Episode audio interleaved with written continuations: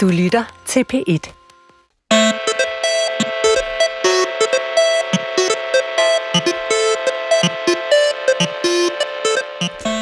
I Cirkusrevyen i 1970'erne deler en gruppe trikotklædte dansere drømme, garderobe og uønskede berøringer.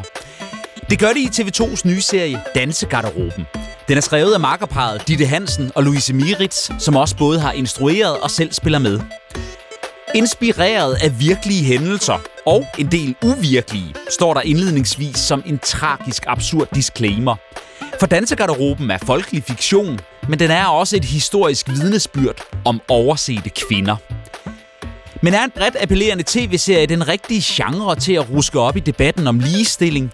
Og hvad kan vi i dag bruge skildringen af kvindernes liv i hjemmet og på de skrå brædder for 50 år siden til? Anmelderne åbner døren til dansegarderoben. Det gør vi sammen med Anne Lind Andersen, tv- og filmanmelder på What to Watch og Berlinske, samt Louise Twerk Queen Kølsten, psykolog, feminist og danser. Velkommen til jer. Jeg hedder Mathias Hammer. Velkommen til Cirkusrevyen.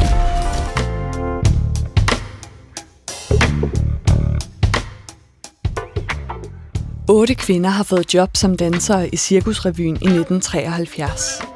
Et drømmejob, hvor de både kan udtrykke sig kunstnerisk og med egen lønseddel i hånden blive økonomisk uafhængige af mændene.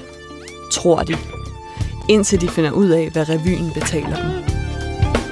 Øh, Skal vi prøve at tale med Preben om det med lønnen? Og så måske prøve at få de andre med. Vi står sammen om det her. Ja, jeg tror bare, at hvis man gerne vil opnå noget i den her branche, så har jeg bare fornemmelsen af, at man ikke skal lægge sig ud med for mange.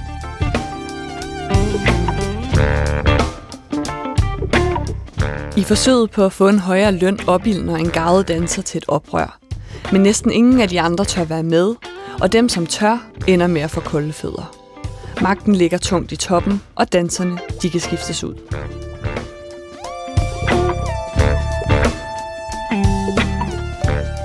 Det, der gemmer sig i dansegarderoben, er knap så kønt og sjovt som det, der foregår på scenen. Danserne må blandt andet stå model til nedladende kommentarer og upassende berøringer. Presset og ubehagelighederne kommer både oppefra, fra ledelseslagene og de store revystjerner, og indefra fra kvinderne selv, der er i konstant konkurrence med hinanden. Stop med at tage noget krudt i ansigtet. Nu op, I er simpelthen for meget. Hey, er I godt klar over, at når I tager alt det der sminke på, så lukrerer patriarkatet på jeres mindre værd? Du har mange fine nye ord, du har lært på uni, hva'?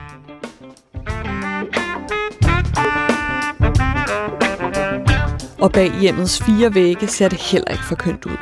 Vi følger for eksempel danseren Susi, der lever i et voldeligt forhold. Jeg er så ked af i går. Undskyld mig, skat. Jeg ved ikke, hvad der gik af mig. Jeg... Du gør mig sindssyg af kærlighed. Ikke? Det er bare det. Det er jo ikke sådan, jeg er.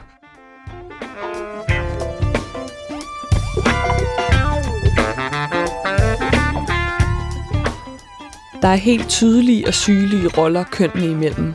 Og netop de roller, dem forsøger kvinderne at bryde ud af, men det er ikke en kamp uden omkostninger. Dansegarderoben skildrer kvindeliv, mens kvindekampen er relativt ny. Og selvom serien er puderfarvet, er det langt fra rosenrødt.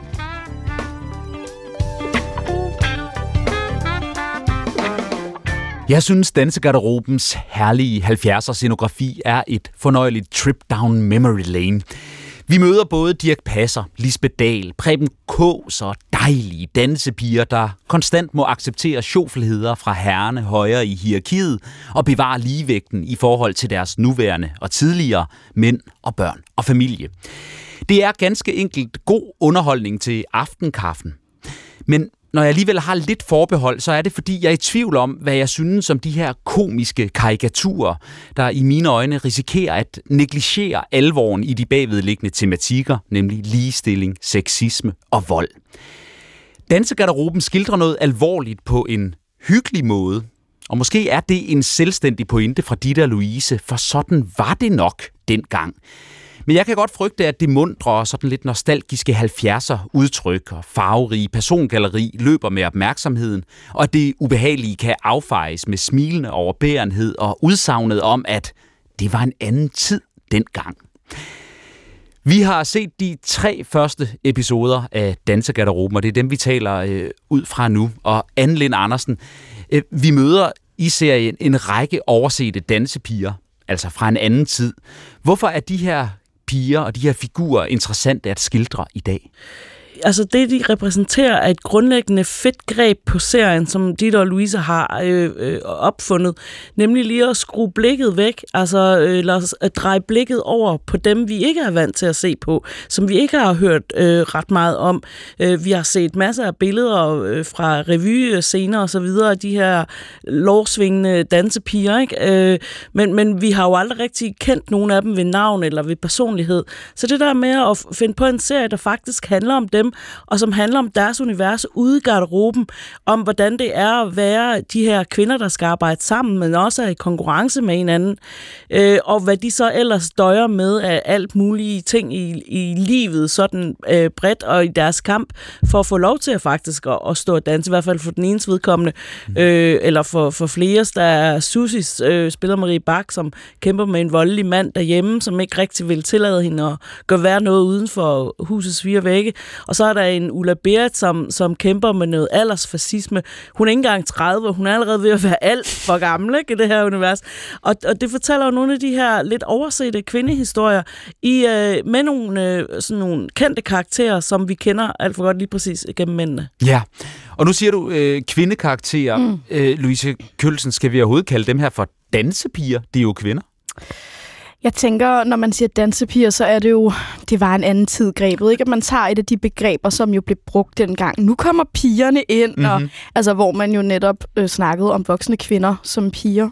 Det er et rigtig godt keyword, det her med, at man, man fortæller lige pludselig historien igennem nogle andres øjne. At man jo, øh, man ser på de her dansepiger, men man, man giver jo også en, ja, kvinder er jo hardly en minoritet, fordi vi er jo halvdelen af verdens befolkning.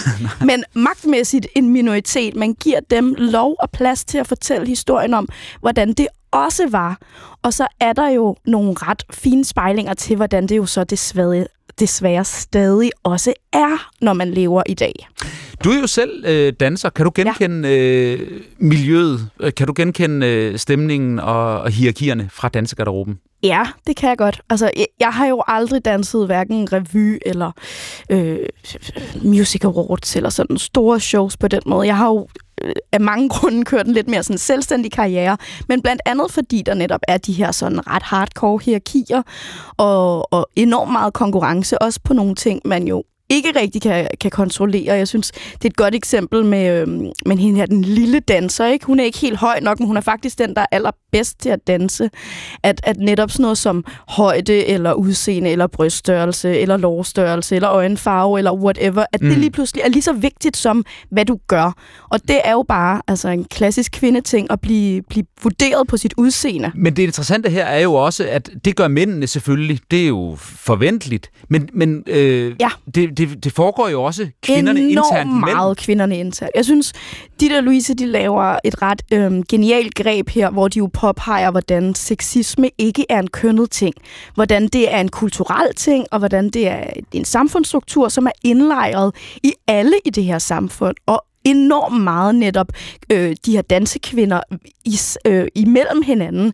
Fordi vi jo ser dem kæmpe om de her, øh, hvad kan vi sige, krummer for de, for de store mænds bord, ikke? Ja. Både lønmæssigt, men også bare det at få en plads over hovedet. Mm, og, og så, status, og, ja, og og være populær hos, hos Preben Kås Ja. og Jørgen Ry og Ja. så videre. Så, så de aflurer ligesom ret hurtigt, hvem der sidder med magten, og hvad der giver adgang til magten. Og så spiller de det spil mod hinanden indbyrdes, hvem der lige viser et bryst, eller hvem som øh, ikke klager, eller hvem som ligesom lever op til at være den gode, mm. quote-unquote, dansepige, i stedet for, øh, kan man sige, den store revolution, hvor man jo gik sammen, og søstersolidaritet, og nu skal vi op imod hele magthierarkiet.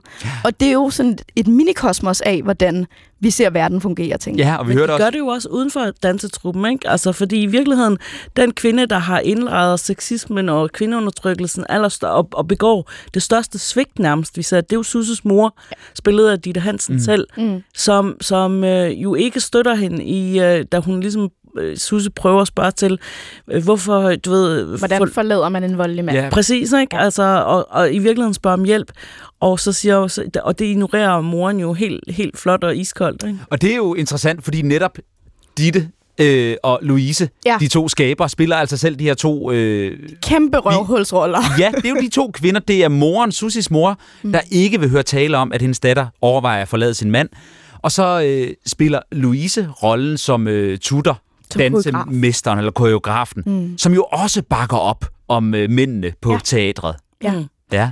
Ja, men jeg tænker, det, altså, det viser jo... For det første så helt klart kado til ikke ligesom at tage den forherligende rolle. Nu kom, altså det er jo meget de der Louise-agtigt. Ikke ligesom at være dem, der kommer med en løftet pegefinger og siger, nu skal vi alle sammen have ligestilling. Men at de går ind i de roller, hvor de rigtig kan udfolde øh, sexismen og vise de rigtig grimme sider. Og netop også ja, vise, at det her er lige så meget kvinde-kvinde imellem. Fordi det jo bliver, øh, for eksempel koreografen, hun ved jo godt, at hendes adgang til magt, det er jo så at levere det, hun ved, slash måske tror, at mændene gerne vil Forventer have. han, ja. Ja. De Præcis. tog den forholdet. De to røvhus, øh, røvhulsroller. Ja. Ja, præcis. Men, men øh, øh, Anne, vi har altså alle de her kvinder. Hvordan vil du sådan øh, generelt øh, vurdere det? Er karaktererne troværdige i dansegarderoben? I varierende grad. Altså, der er jo nogen, der er øh, skrevet rigtig flot ud og foldet godt ud. Ikke? Altså, Susse for eksempel, jeg spiller Marie Bak, er jo mm. en af... Men det er jo, vi er jo kun ved afsnit 3. Altså, mm. der er plads til det, at der kommer noget mere. Altså, Joy, den lille dansepige, som, som du nævnte, Louise, har vi jo stadigvæk ikke rigtig set historien øh, bag. Altså, Jamen, jeg synes, vi har fået nogle glimt af, Ja, at hun repræsenterer Vi fornemmer, noget at nyt, hun ikke? kommer nok til at folde sig mere ud Præcis, i løbet hun kommer med noget Så af det nye. Jeg tænker, der kommer noget mere på øh, flere af karaktererne, fordi mm. det er jo kun øh, et fortal af dem, vi stadigvæk rigtig har set folk sig ud. Ja, og Joy, som jo netop også, øh, altså hun repræsenterer noget nyt. Hun er den eneste, der har klippet sit hår kort. Hun er jo også den eneste, der er uden på ryg, tror jeg nærmest. ja, skal vi snakke om ryggerne? Nej. Ja, vi skal så. Jamen, det er sjovt, du nævner ordet paryk, Mathias. Ja.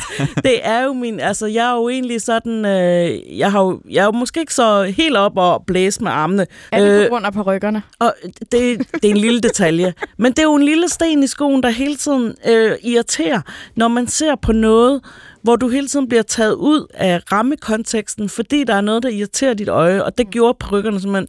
Jeg lagde ikke mærke til perukkerne. Men det gør du jo så fra Ja, nu. og, Ja. og det gør jeg fra nu af. Men til gengæld var jeg fuldstændig opslugt af den tematik, der er, som jeg synes er enormt Mm. mm. vigtig. Og jeg ja. synes netop, det her greb med at bruge humor, t- øh, ligesom pakke noget meget seriøst ind i noget meget, meget let spiseligt. Det er sådan programmodellen til at få herre fra Danmark øh, til lige pludselig at tage stilling til ligestilling, når de sidder og drikker fredagskaffen. Så jeg synes, det er et genialt greb. Nej, men problemet er jo, at det kan gøre, at du bliver lidt, en lille smule i tvivl, om nogle af karaktererne er karikeret ment. Mm. Mm. Øh, og det er jo der, det bliver et problem, fordi hvor er det så, øh, serien skal balancere tonemæssigt mellem alvor og humor? Godt, men så lad os lige tale om det, fordi jeg er i og for sig meget enig med dig, Anne. Der er noget karikeret over de her figurtegninger, og jeg kan ikke lade være med at tænke på, altså, er det ikke en sten i skoen for behandlingen af ligestillingsproblematikken, at der, der er noget karikeret, noget humoristisk ved det, Louise Kølsen? Nej, men det synes jeg ikke. Jeg synes, jeg synes tværtimod, at det er en god måde at balancere det.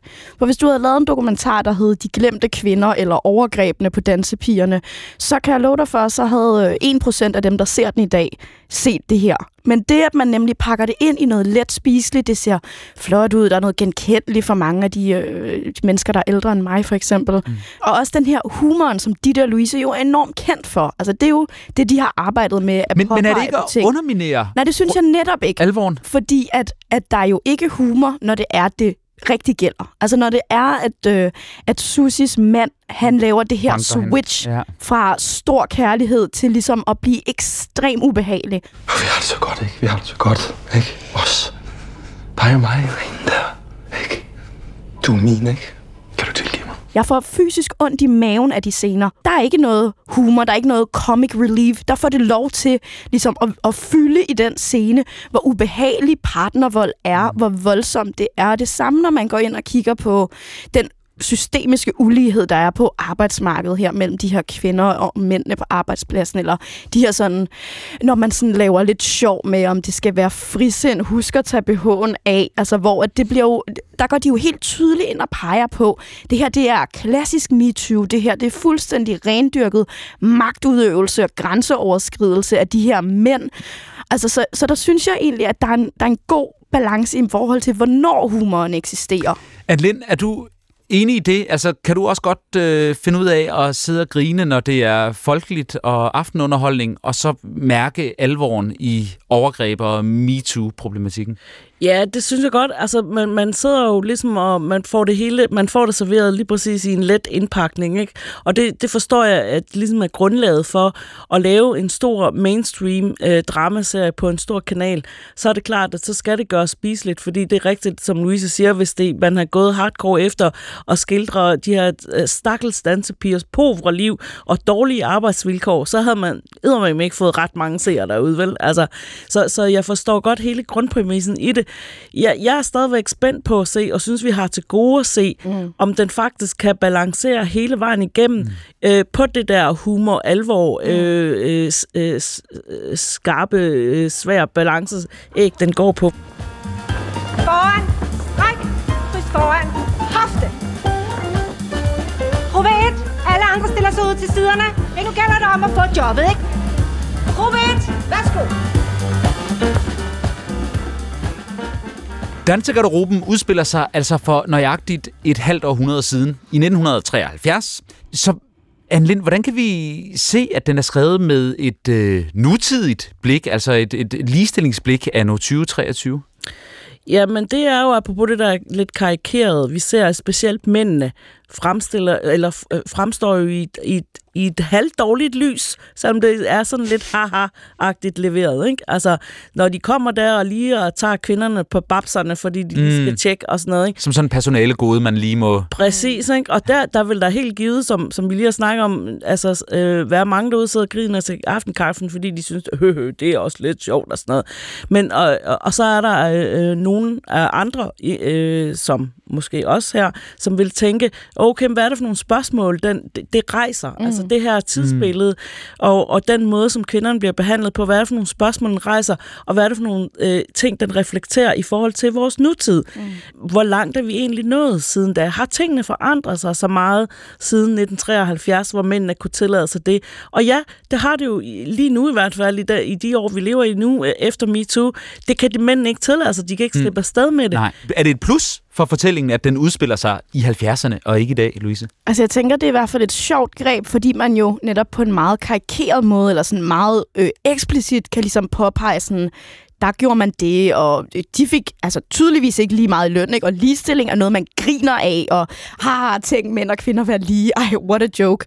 Altså, så jeg tænker, det er, sådan, det er en sjov måde, fordi sådan var det dengang, men vi oplever jo stadig, at kvinder ikke har økonomisk ligestilling. Vi har et pay gap. Kvinder mm. får ikke lige så meget løn. Vi oplever stadig grænseoverskridende, sexistisk, krænkende adfærd, især på arbejdspladserne. Det er, en, det er en sjov måde at pege på, sådan her var det engang, og så kommer ligesom sådan prik, prik, prik, og sådan er det jo til dels også i dag. Men ikke helt. Hvad er de vigtigste forandringer, der er sket siden dengang, når vi ser sådan en serie her? Jamen, altså, vi har jo fået, kan man sige, nogle strukturelle forandringer af i dag. Hvis man siger, øh, mænd og kvinder skal være lige, så er det jo ikke noget, folk falder på halen over og griner af. Det er jo, det er jo noget, vi egentlig accepterer, der skal være. Øh, så sådan i forhold til, øh, hvordan vi sikrer forholdene, er det blevet bedre. Og så synes jeg, en af de allervigtigste ting, de jo peger på, det er, hvordan økonomisk ligestilling er afgørende for, for at have et selvstændigt liv. Og der har vi jo heldigvis set, at, at kvinder på arbejdsmarkedet øh, ikke kun får 4.000 kroner i løn om måneden længere. og det er, jo rigtig, det er jo rigtig dejligt, selvom vi stadig ikke får lige så meget som mændene. Kommer der noget nyt frem om tiden, om 70'erne, som, som vi ikke vidste i forvejen? Nej, det synes jeg egentlig ikke. Nej. Altså, der, der synes jeg, den øh, giver jo et meget traditionelt billede, øh, eller sådan, som mange af os opfatter. Øh, 70'erne måske opfatter vi, lægger, tillægger vi 70'erne med lidt mere frisind, og, men det kommer jo på et eller andet tidspunkt, forhåbentlig også i den her serie, men til, i, i tidsperioden i årtid, kommer der mere frigørelse. Ikke? Mm. Øh. Men frigørelse, altså det her ikke også et udtryk for, hvad skal man sige, bagsiden af den danske frisindsmedalje. At vi kan græmse de unge piger på brysterne, og så går og grine lidt af det, fordi vi er i så, så, så frisindede her i Danmark. Jo, men det var det lige præcis det, serien fremstiller. Mm. Synes jeg. Men lige præcis med det øh, humoristiske greb, at øh, især når man sidder og kigger på det, og øh, så kan man sidde og hø høgrine lidt, indtil man får sådan lidt dårlig smag i munden, forhåbentlig. og, og, så, og, så, og så op til i dag, hvor du, du snakker om økonomi, Louise, men det er jo lige så meget den stemme, vi kvinder har fået mm. til at, at, at, at sige fra, mm. lige præcis i, meget, i forhold til fysiske overgreb, mm. at, at øh, det er ikke okay længere. Øh, øh, meget få mænd kan slippe afsted med og, og grams på kvinder i dag, og heldigvis. Mm. Ikke? Og der er vi jo alligevel nået et skridt. Men jeg synes, altså det er stadig også en kæmpe misforståelse at kalde det her frisind, fordi altså, det viser serien jo også, det er jo klokkeklar MeToo. Ja. Øhm, fordi det jo netop ikke handler om, jeg har lyst til at tage BH'en af, fordi jeg føler mig fri. Det er en, ah, men ham derovre kan godt lide bryster, så hvis jeg tager BH'en af, så har jeg en større chance for at få det her job, som jeg har brug for, for at tjene penge, for at komme væk fra min voldelige mand. Ideen om, at det her skulle være frisind, er jo igen den der med, det er i hvert fald kun frit for en meget lille del, der havde det rigtig sjovt på bekostning af alle de andre. Ja. Er vi villige til at forstå os selv på nye måder? Eller vil vi gerne opretholde sådan en forestilling om, hvem vi er, eller hvem vi, vi var? Som danskere? Altså, jeg tror generelt kan danskerne godt lide netop ideen om, at vi er enormt frie, vi er enormt, altså ligestilling er opnået, vi er frigjorte, det, et, vi, vi er ligesom kommet i mål med mange af de her kampe, og det synes jeg egentlig, altså de seneste, de, altså, de seneste år i debatten har vist, at det er vi ikke. Mm. Altså, når folk lige pludselig begynder at klage over øh, kvinder, der soler sig nøgen på altaner, altså viser det jo noget om, at det her danske frisind og den her øh, ligestilling, at Altså, det er noget, vi lidt går tror, vi har. Kvinder er socialiseret til kun at føle, at de er noget værd, hvis de er unge og attraktive. Altså, jeg er kommet rimelig langt med at plire med mine sminkede katteøjne og ryste lidt med rumpetten. Nu skal vi samle trådene og øh, forsøge at give sådan en øh, endelig vurdering af tv-serien Dansegarderoben. Og det er inklusiv, eller, eller vurderer vi ikke på rykker med i den her model? Det synes jeg bare er ret vigtigt. Det synes jeg er et meget, meget, meget centralt spørgsmål, Louise. Det hele hører, det jeg hele synes, hører øh, med. Det er, det er helhedsvurderingen, Okay, vi kommer nu. Og, og Louise, lad os da begynde med dig. Jamen, på rykkerne, de, øh, de generer ikke mig. Ej, jeg, jeg synes, at det er en rigtig, rigtig god serie. Altså, jeg åd den råt, bingede alle afsnittene i, øh, i streg. Jeg, øh, jeg grinede, jeg havde ondt i maven, jeg, øh, jeg følte sympati for, for karaktererne, og så synes jeg, altså næsten først og fremmest, så er det bare rigtig dejligt at se en serie, som skildrer kvinder som andet end bare statister og objekter mm. for mænd i handlingsforløb. Og ganske originalt, at det netop er statisterne, danserne, de ordløse dansere på scenen, der nu får hovedrollen i Ja. tv-serien. Anne Andersen, Ja. hvad synes du? Jamen, jeg er sådan set enig med Louise langt hen ad vejen. Altså, jeg, er jo, øh, jeg så også det her, det er meget binge-worthy øh, og værd at se. Helt klart, det er en anbefaling værd. Vigtige historier oven i købet også, øh, og kaster et lys, som sagt, på, på, fra, fra den gang og til nu, og hvor vi er henne i dag. Så, så klar en anbefaling. Jeg har nogle mænder, og det er ikke på ryggerne, Louise, kun. det er, at jeg faktisk ikke øh, føler mig sådan dybt følelsesmæssigt ramt. Mm. Altså, det er en lille smule generisk for mig nu. Mm. Det, det håber det kommer. Vi krydser fingre for, at det kommer. Ja. Dybere ind i sindet, du. Ja, ja, vi skal længere ind. ja. Jeg vil sige, jeg er øh, også hugt, og jeg vil med garanti se Dansegarderoben til ende. Alle otte afsnit, som kommer løbende over de næste uger. Jeg synes, den som tv-serie fungerer virkelig godt. Det er velskrevet fiktion, og øh, så synes jeg, det er helt fra begyndelsen lykkes at søsætte rigtig mange konflikter, uafklarede spørgsmål om karakterernes valg og skæbner, som jeg virkelig er nysgerrig på at følge med i. Altså, flytter Susi fra sin voldelige mand? Bliver Joy den nye stjernedanser, og hvad skal der dog blive af stakkels stride Ulla Berit? jeg vil vide det, mens jeg svælger mig i den her 70'er æstetik, og så øh, ser jeg bort fra de lidt overgjorte par rykker. Til gengæld er jeg jo altså mere usikker på, om dansegarderoben løfter sig til andet og mere end øh, god aftenunderholdning, og om den lykkes med at sætte dagsordenen i en øh, debat om, om ligestilling og bagsiden af det danske frisind måske. Det vil tiden vise. Nu er her er tiden kommet til, at vi øh, kigger ud over dansegarderoben og kommer med kulturanbefalinger på andet, man kan se, høre, eller læse, eller opleve, som på en eller anden måde reflekterer ligestilling, frisind, kvindekamp.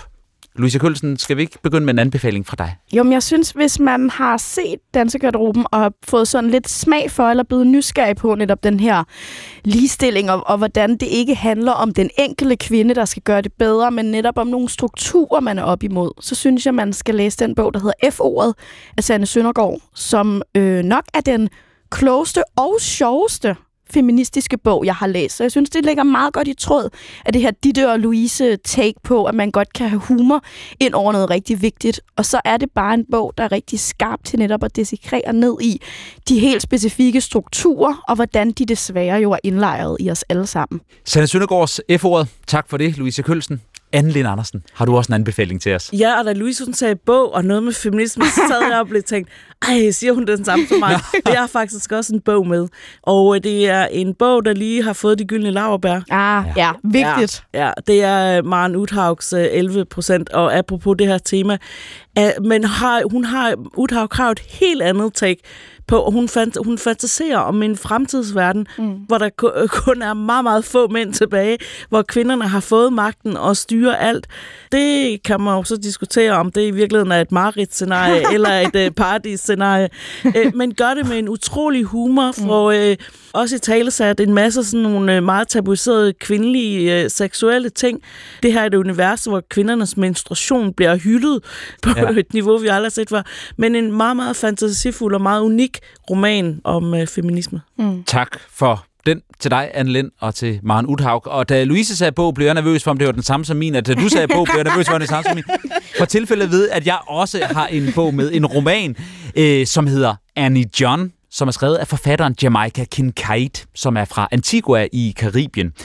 Kincaid skriver om at være kvinde i en øh, mandsdomineret verden, og om at være sort i en øh, verden styret af hvide.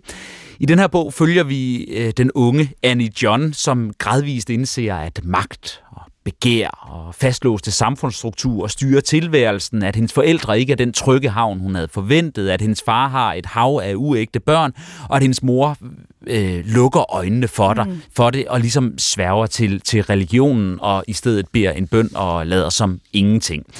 I øvrigt er bogen oversat til dansk af selveste Benny Andersen og af hans øh, kone, øh, Cynthia Rosalina Latouche Andersen, som jo også kommer fra Karibien. Mm-hmm. Så med de her tre anbefalinger på gode bøger, mm. og med anmeldelsen af Dansegarderoben, så vil jeg gerne sige tak til jer to, Louise Twerk Queen Kølsen og Anne Lind Andersen, fordi I vil være med. Redaktionen bag programmet her er Sara Randeris og Gustav Hagil. Jeg hedder Mathias Hammer. På genhør.